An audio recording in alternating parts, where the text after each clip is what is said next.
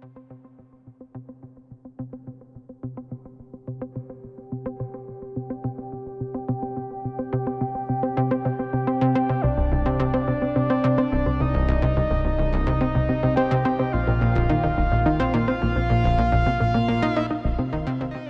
Hej och välkommen till Kortklippt, Sveriges nördigaste synt och musikproduktionspodd med mig Niklas Wind och dig, Johnny Ollila. Tjena, tjena, tjena. Tjena, tjena. Nördigaste. Nu kommer vi få på pälsen tror jag. Ja, kanske det. Men eh, jag var tvungen att säga musikproduktionsteknikpodd också så att det inte blir syntpodd för att jag skulle ju säga att när det kommer till själva syntmusiken så är nog Blå Måndag svårslagna. Mycket, alltså, alltså Lisas, den här Kuriosa-kabinetten är ju kanske det bästa som finns på den här planeten måste jag säga. Ja, man, sitter som klist, man sitter som klistrad varje gång liksom. Ja, ja, hon är jätteduktig. Det är jättekul att höra de grejerna. Hur är läget med dig då? Jo, det är bra, det är bra. Allting flyter på här. Eh, Jag är mitt uppe i en release-snurra. Eh, Jag har ju typ eh, tillsammans med min gode bror Jarmo hållit på med ett projekt. Oj, eh, när började vi med teleskop egentligen? Var det typ när jag bodde i Malaysia tror jag, så började vi skriva låtar på distans. Och det där funkar ju inte alls, du vet. Man bor på andra sidan planeten och försöker skriva låtar. Så att vi bestämde att vi färdigställer det där när jag kommer hem till Sverige då, så 2019. Eh, fortsatte vi med det och så var vi väl klara med första EPn tror jag 2021 eller om det var 2020, jag minns inte. Eh, och nu har vi en till EP på gång ser du. Så att eh, den ligger precis runt hörnet. Vi har en singel som vi har släppt eh, som heter Lost Satellites. Eh, den är tagen då från kommande EP som kommer i mars som ska heta In Orbit. Jag har faktiskt tagit med mig låten. Vi kanske ska spela en snutt av den här i programmet. Vad tycker du? Det är klart vi ska. Ja, då kommer den här. All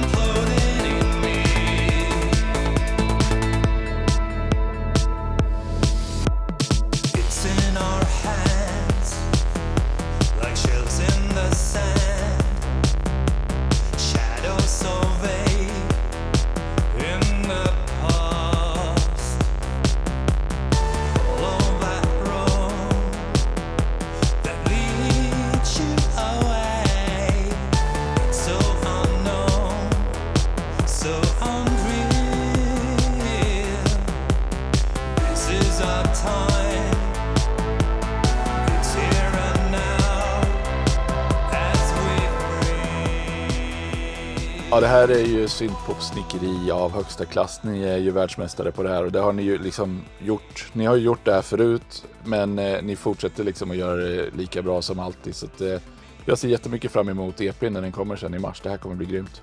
Tack så jättemycket Niklas, det värmer av när det kommer från dig. För mig är det ju extremt roligt då eh, med, med min bror som är egentligen den stora låtsnickaren här då. Jag är mer producent och syntgubben som sitter och du vet bygger ihop låtarna av hans, hans melodier och strukturer och sånt där då. Så att eh, det, det är kul eh, att fortsätta hålla på. Eh, vi har hållit på väldigt länge som du säger och det känns som att Teleskop är lite grann eh, där jag och min bror igen då eh, sitter tillsammans och gör musik ihop då. Eh, vi började ju i Mr Jones Machine som en duo, men så hoppade Magnus Lindström in och eh, gjorde fantastiska grejer också med sitt låtskrivande. Men Det vart varit en annan grej liksom. När jag och brorsan skriver låtar tillsammans så blir det lite grann av en annan stil, så att eh, det är lite grann det vi håller på att utforskar.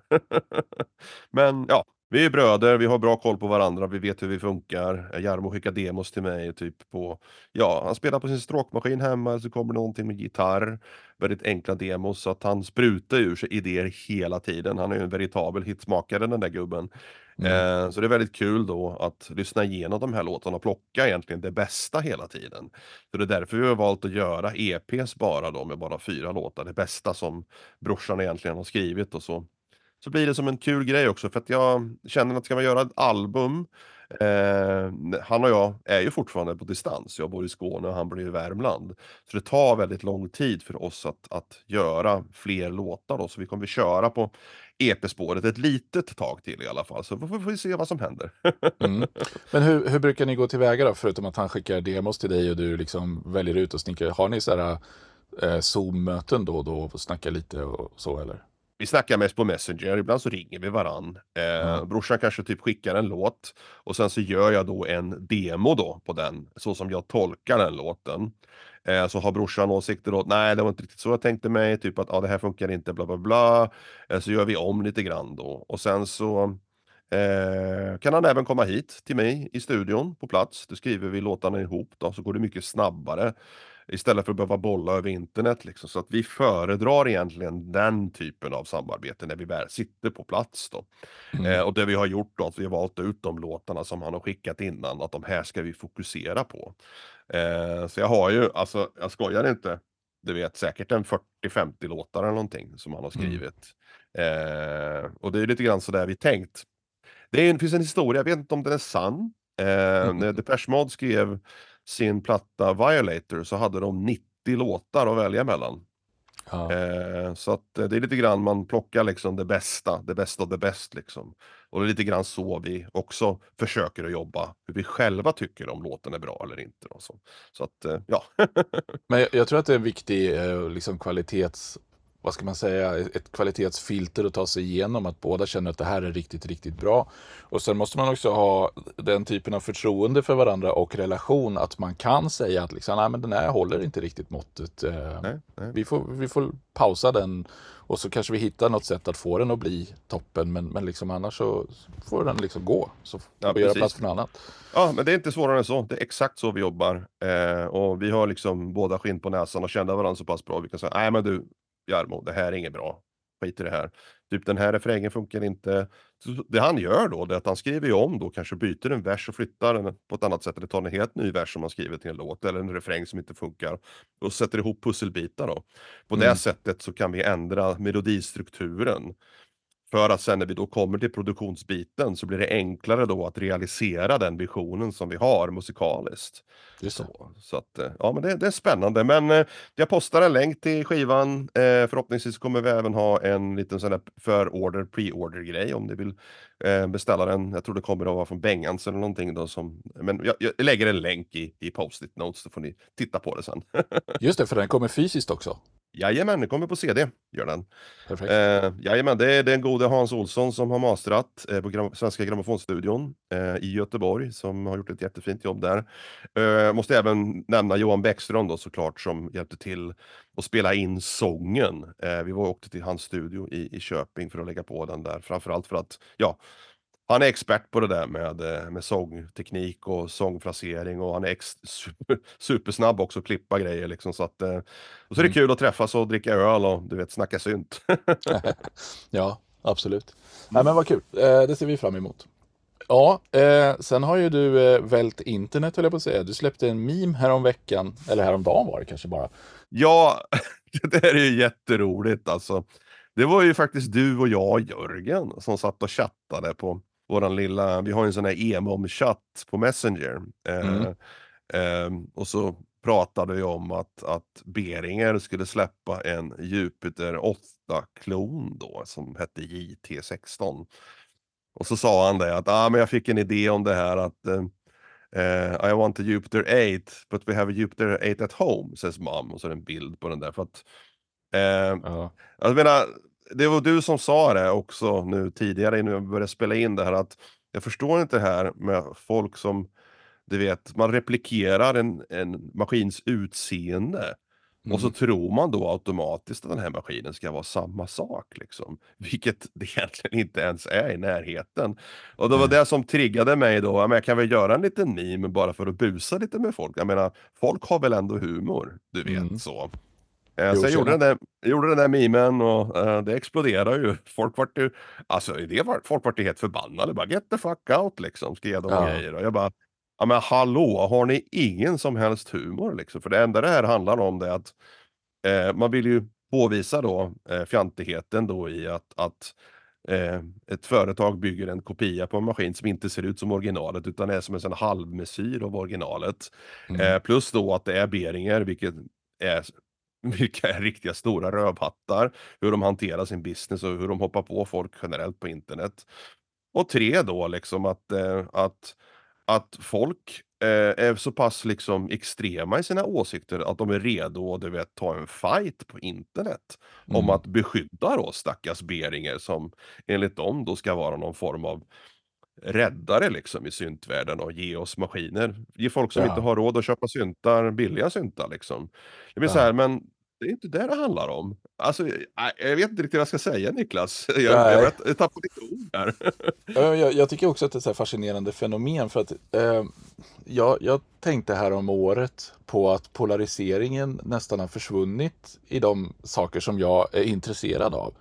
Det var ju länge alltså, som man var så här, så, har du Android eller har du iPhone? Och man bara, Ja, nu är det så här ja. verkligen skitsamma, ha, ha vad du vill. Eh, och sen var det ju Apple och PC var det ju eh, innan det.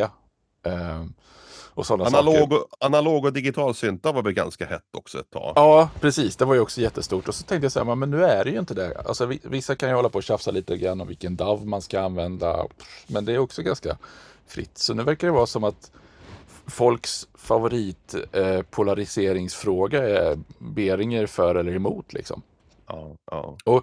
Jag tycker egentligen att den, den frågan är ganska tråkig. Alltså att, att Beringer, Beringer inte är särskilt trevliga, det vet vi ju. Men att det kan vara gött att köpa en billig synt ibland, eh, ja vet vi ju också. hur? Eller hur? Och, och, och, och det som jag tycker är intressantast egentligen med det här mimet som blev är ju att liksom folk är så sugna på en Jupiter 8 att de liksom är beredda att ta någonting som bara vagt påminner om det i, i utseende. Och då undrar jag, vad är det med Jupiter 8 som man så gärna vill ha då? Om man, om man, kan, om man kan gå med på någonting som bara nästan ser ut som en Jupiter 8 så måste man ju vara på det klara med att den bara nästan låter som en Jupiter 8 också. Mm. Och varför kan man då inte vara mer intresserad av deras, eh, vad heter den, Deep, heter den Deep Mind? DeepMind ja, precis. Ja, det är ju en skitfrän synt med nya idéer och nya grejer. Liksom. Eller till exempel UDOs eh, Gemini och vad heter den andra blåa? Super 6 va? Ja, det är också skitcoola syntar. Varför kan man liksom inte... Va- varför, ligger, varför romantiserar man kring gamla vintage-maskiner så mycket att man är beredd att dö på den kullen för att försvara ett, ett företag som tillverkar det? Jag fattar inte det. Nej, alltså, det kan väl kanske mångt och mycket ligga till grund för att man är som jag då. Eh, jag skulle kunna vara en eventuell mål, målgrupp för, för sådana här reissues och replikor. Maskiner som ungefär ser ut som originalen och presterar kanske 75-80% eh, ljudmässigt sett låter ungefär likadant. Eh, just för att jag hade ju då en vision och en dröm när jag var ung liten parvel och kanske ha en djupdrotta då. Och det har ju då för mig varit en av mina stora drömmar. Jag har spelat på Jupiter 8 många gånger och Alltså det är ju en fantastisk maskin men den är ju inte, den gör ju inte ett bättre jobb än en annan modern synt när det gäller att producera fina pads och stråkar och slingor och sådär utan det är mer den här eh, magiska lilla skimret då som, som eh, uppstår i nostalgitänket som gör att man kanske blir nyfiken och intresserad av en sån. Eh, jag skulle inte göra bättre musik om jag hade en 8 hemma. Eh, det tror jag inte, men jag skulle bli kanske inspirerad till att göra musik för att den påminner mig om, om de drömmar jag hade när jag var liten eh, synt miniburg liksom. så att, Ja, eh, nej men absolut. Och jag, jag tycker väl att det är ett skäl så gott som något att köpa en maskin. Liksom att, att man tycker att den är frän eller fin eller påminner om någonting. Liksom. Och, och, och det är ju det gamla klassiska argumentet. Det är ju ingen som lyssnar på din musik som vet ifall du har en riktig Jupiter 8 eller Beringer Jupiter 8 eller för det är en Arturia-plugg. Liksom. Så, så att det, det är väl ganska skitsamma ur ett lyssnarperspektiv. Men det handlar ju om hur man upplever att spela på den som, som i sig påverkar hur man gör sin musik och, och liksom hur man utövar sin hobby. Det tycker jag är jätteviktiga aspekter. Ja, det är det. Alltså, jag, jag tänker ju aldrig eh, säga att det inte finns en viktig inspirationsdel i att spela med ett, på ett gammalt vintageinstrument. Det har vi ju både du och jag sett när vi har varit hos Jörgen på Elektrisch, hans museum och spelat på gamla maskiner. Det är Mm. kanske det bästa jag vet. Det är helt underbart är det. Mm. Eh, så att det finns ju liksom en poäng i att, att äga ett vintageinstrument på grund av den anledningen att det är kul. Man kanske är samlare, man kanske tycker det är roligt att ha gamla instrument hemma. Och så har Mm. man då den här vintage-aspekten då, inspirationsbiten ovanpå där. Ja. Eh, så att det säger jag absolut ingenting om. Jag säger heller ingenting om att man inte tillåts köpa liksom, du vet billiga syntar för att det är gott. Man kanske inte har gott om stålar men vill köpa en TB303, en kopia för 500 spänn så fine, do it liksom. Det har inte jag Ja. något problem med heller. Eh, Problemet jag har snarare är ju det här att när fokus, fokusen hamnar mer på grejerna, på instrumenten än den faktiska musiken som man ändå ämnar att skapa då med instrumentet. Mm. Och då blir ju liksom, alltså musiken blir lite grann eftersatt här eh, i, i själva diskussionen. Och det, Ja. det var jag som ty tyckte jag var så himla roligt, för jag gjorde en provtryckning då, jag fick ju så här typ, jag vet inte, hundratals med likes på den här Mimi-grejen. Och så tänkte jag, men jag kan väl posta en, en länk om han Jarani, om hennes eh, senaste Tiny Disc, Desk-konsert, som är kanske det bästa jag har sett liksom. Det är helt fantastiskt bra. Det blir så här jättelojt mottagande liksom. Då, och det ger ju mig då i alla fall en fingervisning och en indikation på vad som är viktigt eh, där ute. Eh, är just den här, liksom, ja men det instrumentet och diskussionen kring det som är det som är det roliga snarare än musiken som skapas av det. Jag vet inte, jag kanske har fel. Eh, ni får jättegärna säga till där, ni lyssnar om ni tycker att jag har en fel uppfattning om det här. Men jag har fått lite grann av den känslan att, att det är viktigare att snacka om synten och om synten är bra eller dålig eller om den faktiska musiken som man skapar är, är av Ja. intresse. Jag vet inte, vad känner du Niklas? Nej, men alltså, jag är ingen psykolog och jag gör mig skyldig till massa konstiga eh, uppfattningar och idéer och tankar jag också. För jag menar, du och jag sitter ju här och spelar in podd varannan vecka och sen så spenderar jag massa tid på att klippa den och jag gör research för att kunna prata om syntar och maskiner. Jag spenderar ju väldigt mycket mer tid på den här podden än jag gör på att göra egna låtar till exempel. Så Mm. jag menar, jag har väl ett maskinintresse jag också som på något sätt överstiger min förmåga eller min, min tid jag lägger på att göra själva musiken. Va? Eh, och och jag, har, jag har syntar hemma här som, som jag inte har rört på. Ja, men min syntax till exempel, den har inte varit startad än i år. Liksom. Mm. Så jag kan väl liksom se att en del av vår hobby är själva maskinerna och, och saker runt omkring det. Och då när det dyker upp någonting som är polariserande så kanske man är sugen på att hugga på det och, och, liksom börja träta lite. Mm. För av någon anledning så verkar ju folk dras till, till eh, konflikter. Det gör ju jag själv också. Eh, har jag en tendens att sitta och läsa så här bråk och tjafstrådar på 99 utan att ens kommentera själv. Bara för att jag på något sätt triggas av att läsa och, och, och liksom knyta näven i fickan och ha mina egna åsikter. Vilket har gjort att jag faktiskt pausat 99 eh, sedan början av året för att jag känner att inte för att det är något fel på 99 utan för att jag tenderar att fastna i de sakerna som inte är produktiva och, och egentligen inte ger mig någonting. Så, så att, Nej, nej. eh, jag, jag har liksom försökt banta mitt eget internetkonsumerande just därför att jag tenderar att dras till, till konflikter och, och tjafs på Ja. ett sätt som inte är bra för mig. Ja, det blir en sån här guilty pleasure som man brukar tra- prata om. Liksom. Ja. Det- Man, man tycker om att titta på konflikter, man blir så här, oh, man blir, blir triggad Mm. av det och kanske vill vara med. Alltså, en sak som vi har pratat om tidigare, jag vet inte om vi har nämnt det specifikt då, men Eh, jag har ju försökt för min egen del i alla fall när det gäller då mitt sociala medier och beteendet som jag själv tycker om att, att använda då för att jag själv ska funka. Det är att följa kreatörer i socialt Mm. media. Det vill säga mitt Instagramflöde, är fyllt med musiker, med, med målare, med liksom videoskapare, med, med liksom mediebolag och sånt där. På det sättet så den informationen som jag matas med då reguljärt när jag gör en scroll, en death scroll på min telefon, så är det Mm. musik av kreativ eh, natur. Och det Mm. ger ju då mig inspiration då att göra egna saker istället för att kanske fastna och hugga på något liksom och du vet vad fan är det här för jävla skit liksom och sen Mm. försöka så, så jag, jag triggas inte lika ofta av sådana där saker. Jag tror att det här kan vara ett bra tips till, till, till egentligen alla att titta på. Vad är det för egentligen för typ av information man följer där ute och vad, vad, vad har det för liksom vikt och intresse för mig som person och som individ och hur kan jag liksom eh, kanske försöka analysera och optimera mitt flöde så att jag inte matas med information som jag kanske onödigtvis triggas av.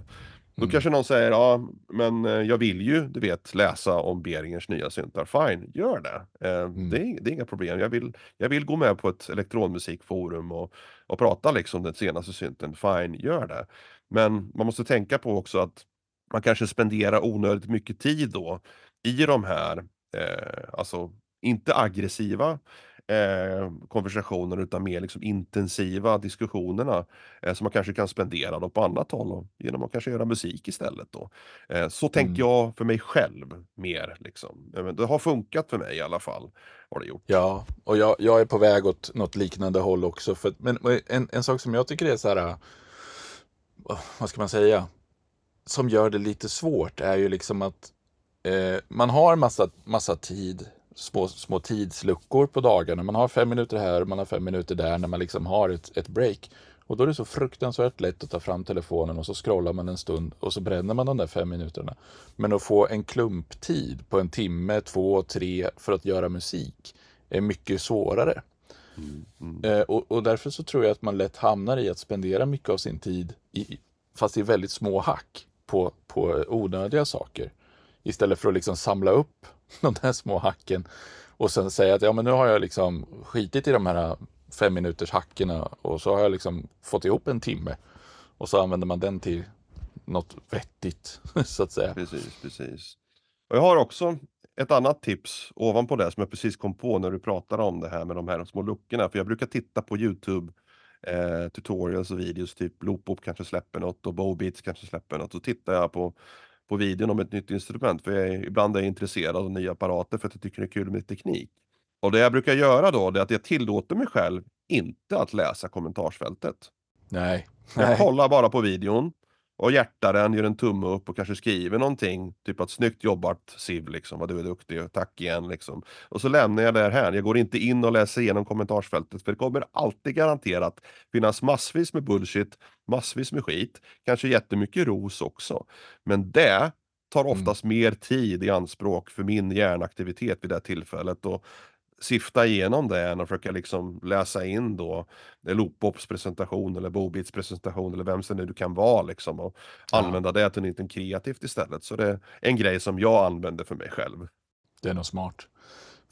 Överhuvudtaget begränsa liksom kommentarsfältsläsning. Och, och sen sådana här, ja men Instagram är ju fullt av tjafstrådar och, Ja, ja. kommentarsfält som fylls av elände och dynga. Så att, nej. Eh, men, men jag skulle vilja prata om en annan del av den här, eh, alltså, produk- alltså vad ska man säga, produktkategori-grejen som Beringer ger sig in i lite grann nu. För att å ena sidan så har de ju sina rackmonterade återutgivningar av små maskiner som folk kan vara nostalgiska kring. Som Mm. MS-20 till exempel, eh, eh, Pro One, Minimogen, eh, Octave Cat och så vidare. Det är ju maskiner som, som man har ett visst nostalgiskt eh, liksom dragning till. Men också maskiner som är så pass olika sina original att, att man liksom inte kommer för nära i, i den här känslan av, eh, av, av återskapande av utseende. Liksom. Men den här Jupiter 8 nu då, eller UBXan som, för den delen som de också pratar om. Då är, det, då är det helt plötsligt inte prat om särskilt billiga maskiner längre utan det blir ju några pengar för de här. Ja, det blir det ju. Ja, och de, eh, de hamnar nästan i en sån här uncanny valley-del av, av liksom upplevelsen kring dem. För att de här små rackmonterade burkarna är ju lika. Man ser att det är menat att det ska vara en Pro One och den är ganska lik liksom. Men man fattar ju att det är inte en Pro One. Och den här Jupiter 8 då, den är, den är så pass nära en Jupiter 8 att, att man nästan får en obehagskänsla av att den är för nära. Precis som den här Uncanny Valley-fenomenet med prylar som ser ut som människor. Liksom. Precis, precis. Och då undrar jag, funkar det produktsegmentet liksom? Eh, det gör inte det på mig. Nej, inte på mig heller. Alltså det är ju samma sak som händer där i hårdvaruvärlden, händer i mjukvaruvärlden också. Arturia släpper en plugg och den ser ut exakt som Jupiter 8 och man luras till att tro att det är Jupiter 8, men Mm. det är ju inte det. Nej. Alltså, du vet, visst den ser ut som det, det låter mm, ungefär som en Mm. likvärdig polysynt i den kategorin, men det är ju inte en 8 i sig liksom. Så Nej. att, ja alltså det är fan, det, det är svårt det där, det är riktigt svårt. Jag vet inte riktigt, jag är ingen psykolog så jag har inget bra svar där. Nej. Nej, och, och jag undrar lite grann. Jag tycker också det är konstigt att, att så här, reissues av maskiner får så stor uppmärksamhet också. Som, som den nya Prophet 5 till exempel som eh, Sequential släppte. Där har man ju alltså gjort en fantastiskt fin maskin. Den ser ut som en gammal Prophet 5 och de har ju lyckats klämma in fem röster till så det finns en Prophet 10 om man vill. Men det är ju fortfarande en monoutgång. Eh, Så den är ju knappt liksom förbättrad i vissa ganska viktiga aspekter. Och jag menar, en, en, inte just för att man ska klämma in en massa coola effekter i den och behöver stereoutgång av den anledningen. Men liksom en polysynt där du kan panorera rösterna lite, lite grann. Det blir ju jäkligt mycket bättre alltså. Ja, det där är väl en avvägning tror jag som kanske företaget som gör replikan tänker på. Att, hur långt ska vi dra snöret för att ligga så nära originalet som möjligt? Som Korg PS 3300 som exempel som kom här i dagarna annonserades på namn. Eh, och där har man gjort ganska stora förändringar designmässigt sett. Man har stoppat in minnen och sådär som bara fanns i 3200 om jag inte minns fel. Eh, och så, och du vet lagt in en extra röst och sådär. Så att man, de har ju gjort några val då för att Mm. modernisera och jag gillar det. Eh, alltså för att om jag nu förmodar att jag skulle ha, någonsin ha råd att köpa den här replikan som kommer att kosta ja, mer, än en, mer än alla njurarna jag har i min kropp. Eh, så tror jag nog ändå liksom att jag vill ändå ha då det här drömmen jag kanske hade om PS3300 när jag var ung och såg eh, ja, eh, FX Twin använda den eller du vet vilka nu andra band som använt den då. Försöker hitta samma magi där då. Eh, så vill jag ändå att den ska vara ganska nära eh, alltså originalapparaten rent ljudmässigt sett. Så det finns kanske en, en poäng med att inte göra det för utvecklat då när man bygger en ny maskin. Men det är bara jag som filosoferar. Jag kan definitivt ha fel där. Ja, men sen så nya Prophet eh, 5 har ju midi-implementation och den har ju säkert styrning på alla rattar och midi-CC och massa sådana där grejer. Så att, visst, absolut, den är säkert moderniserad, men det skulle vara kul att veta hur stor skillnad är i försäljningssiffror mellan den och eh, de andra nya polysynterna som Dave gjorde. För Prophet 12 och 08 och alla de där, det är ju riktigt feta maskiner alltså. Ja, Rev, Rev 2 också en riktigt Ja. fet maskin. Det, han, han var duktig på att bygga syntar Dave alltså. Mm. Alltså. Men eh, ja, det är svårt, det kan vi nog bara säga om det. Men jag har ju spelat lite löst på, på Johans Prophet 10 och den, den är ju magisk alltså. Är ju. Mm. Det, är, ju- det finns ju någon ehm, de har ju gjort det på ett väldigt ärligt och, och fint sätt då, så att den ser ut som originalet. Alla, den har träpaneler runt liksom, så man får ju den här känslan av att den är vintage fast den inte, inte är det. Eh, Mm. Så att det är väl lite grann, den nostalgikänslan tror jag är nog viktigast för de som köper de här instrumenten tror jag. Ja. Eh. Ja, vi har ju en annan gubbe som har väldigt många vintage-syntar hemma i sin kabin i, i, i ja, där nu bor i, i USA. Herr Vince Clark. ja, precis. Eh, vi har ju pratat lite grann där om, om hans, vad ska man säga, hans extremt långa historia och hans inflytande han haft på den elektroniska musiken och nu även då det här lilla steget han har tagit ut i solovärlden och släpper lite drones och så. Mm. Eh, du hade ganska intressanta tankar där om, om Vince Clark och, och egentligen vad han är för filur och vad han har betytt för dig och vad som hänt nu när han har släppt den här nya plattan. Eh, Ja. Du kunna berätta lite grann om det? För jag tycker det är ett väldigt intressant ämne, Niklas. ja, det här kommer bli, det här kommer gå till sto- historien som vårt svamligaste avsnitt Det tror jag med. Men det, jag tror att det är bra för att det, vi kan ta lite så här, varannat avsnitt är väl förberett med, med liksom manus och, och teknik och varannat är lite babbligt. Det blir bra. Yes. Nej men, eh, vi satt ju i din bil på väg ner till eh, EMOM, eh, eventet som vi körde i november och då började vi prata lite grann om Vince Clarks eh, nya platta och då slog det mig dels den här eh, Alltså själva Vince Clark och hans legacy som han har bakom sig eh, som en otrolig popsnickrare. Eller syntpoplåt. Alltså han är jätteduktig på melodier och ljud och, och liksom riktiga popstrukturlåtar fast med syntar tycker jag han är oslagbar på. Och, och de här äh, Alltså, jag älskar ju de tidiga Yazoo, de tidiga Depeche som han var, hade mycket inflytande på. För det är min typ av ljud, det är min typ av ljudbild. Jag tycker om de här, äh, att han gör så mycket med så små medel liksom. Och det är en sorts eh, geni i det som jag har svårt att se att så många andra har. Liksom, han, han sticker ut där tycker jag. Väldigt, väldigt ensam på det. Jag, jag skriver under på det 200 procent. Ja, och då blir det så här intressant när han ger sig på en ny grej här som de här drone-prylarna eh, han har släppt på sitt senaste album. Och när jag kollade upp det nu eh, så verkade det som att han har släppt en hel del annat eh, solo också. Som inte jag hann kolla på inför det här avsnittet så jag vet faktiskt inte riktigt vad det är då. Men då slog det mig den här känslan av att man får en bild av en idol eller, eller en person som betyder mycket för en och så, och så, så stoppar man den i ett fack. Men sen när den personen själv rör sig utanför det facket så kan man inte applicera sina gamla värderingar på personen längre utan man måste liksom tänka om. Och då, och då hamnar man i, i ett helt annat läge och det blir jättekonstigt. För som jag sa så gillar jag Vince Clarks tidiga grejer. Erasure har aldrig funkat på mig eh, och jag vet inte riktigt vad det beror på. Jag, jag tycker bara inte det är bra.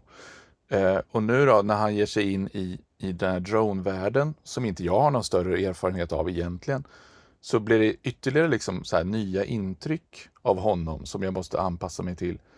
Och, och då känner jag liksom att eh, när, han, när han provar nya marker och, och ger sig in i saker så är det inte säkert att hans expertis riktigt liksom är applicerbar längre. Utan, utan han, han är lite så här novis på det. Och då får man nästan ge honom lite, vad ska man säga, ge honom lite slack för att han, han eh, gör någonting som han kanske inte är världsmästare på. Så, så jag tyckte inte att den plattan var särskilt bra. Eh, varken varken liksom teknikmässigt eller musikmässigt. Men det är nog för att han, han kanske utforskar saker som han inte har lika mycket erfarenhet i. Eller jag vet inte, vad tror du? Ja, men alltså det är ju det är helt klart att det är så. Alltså, du säger att du inte lyssnar på den typen av musik. Det är ju typ det är ju sånt som jag lever för dagen. Alltså jag älskar drone, jag älskar ambient, det typ snurrar i mina playlists hela tiden. Liksom. Jag kan jämföra då med artister typ som Los, Loskill exempelvis, Scott.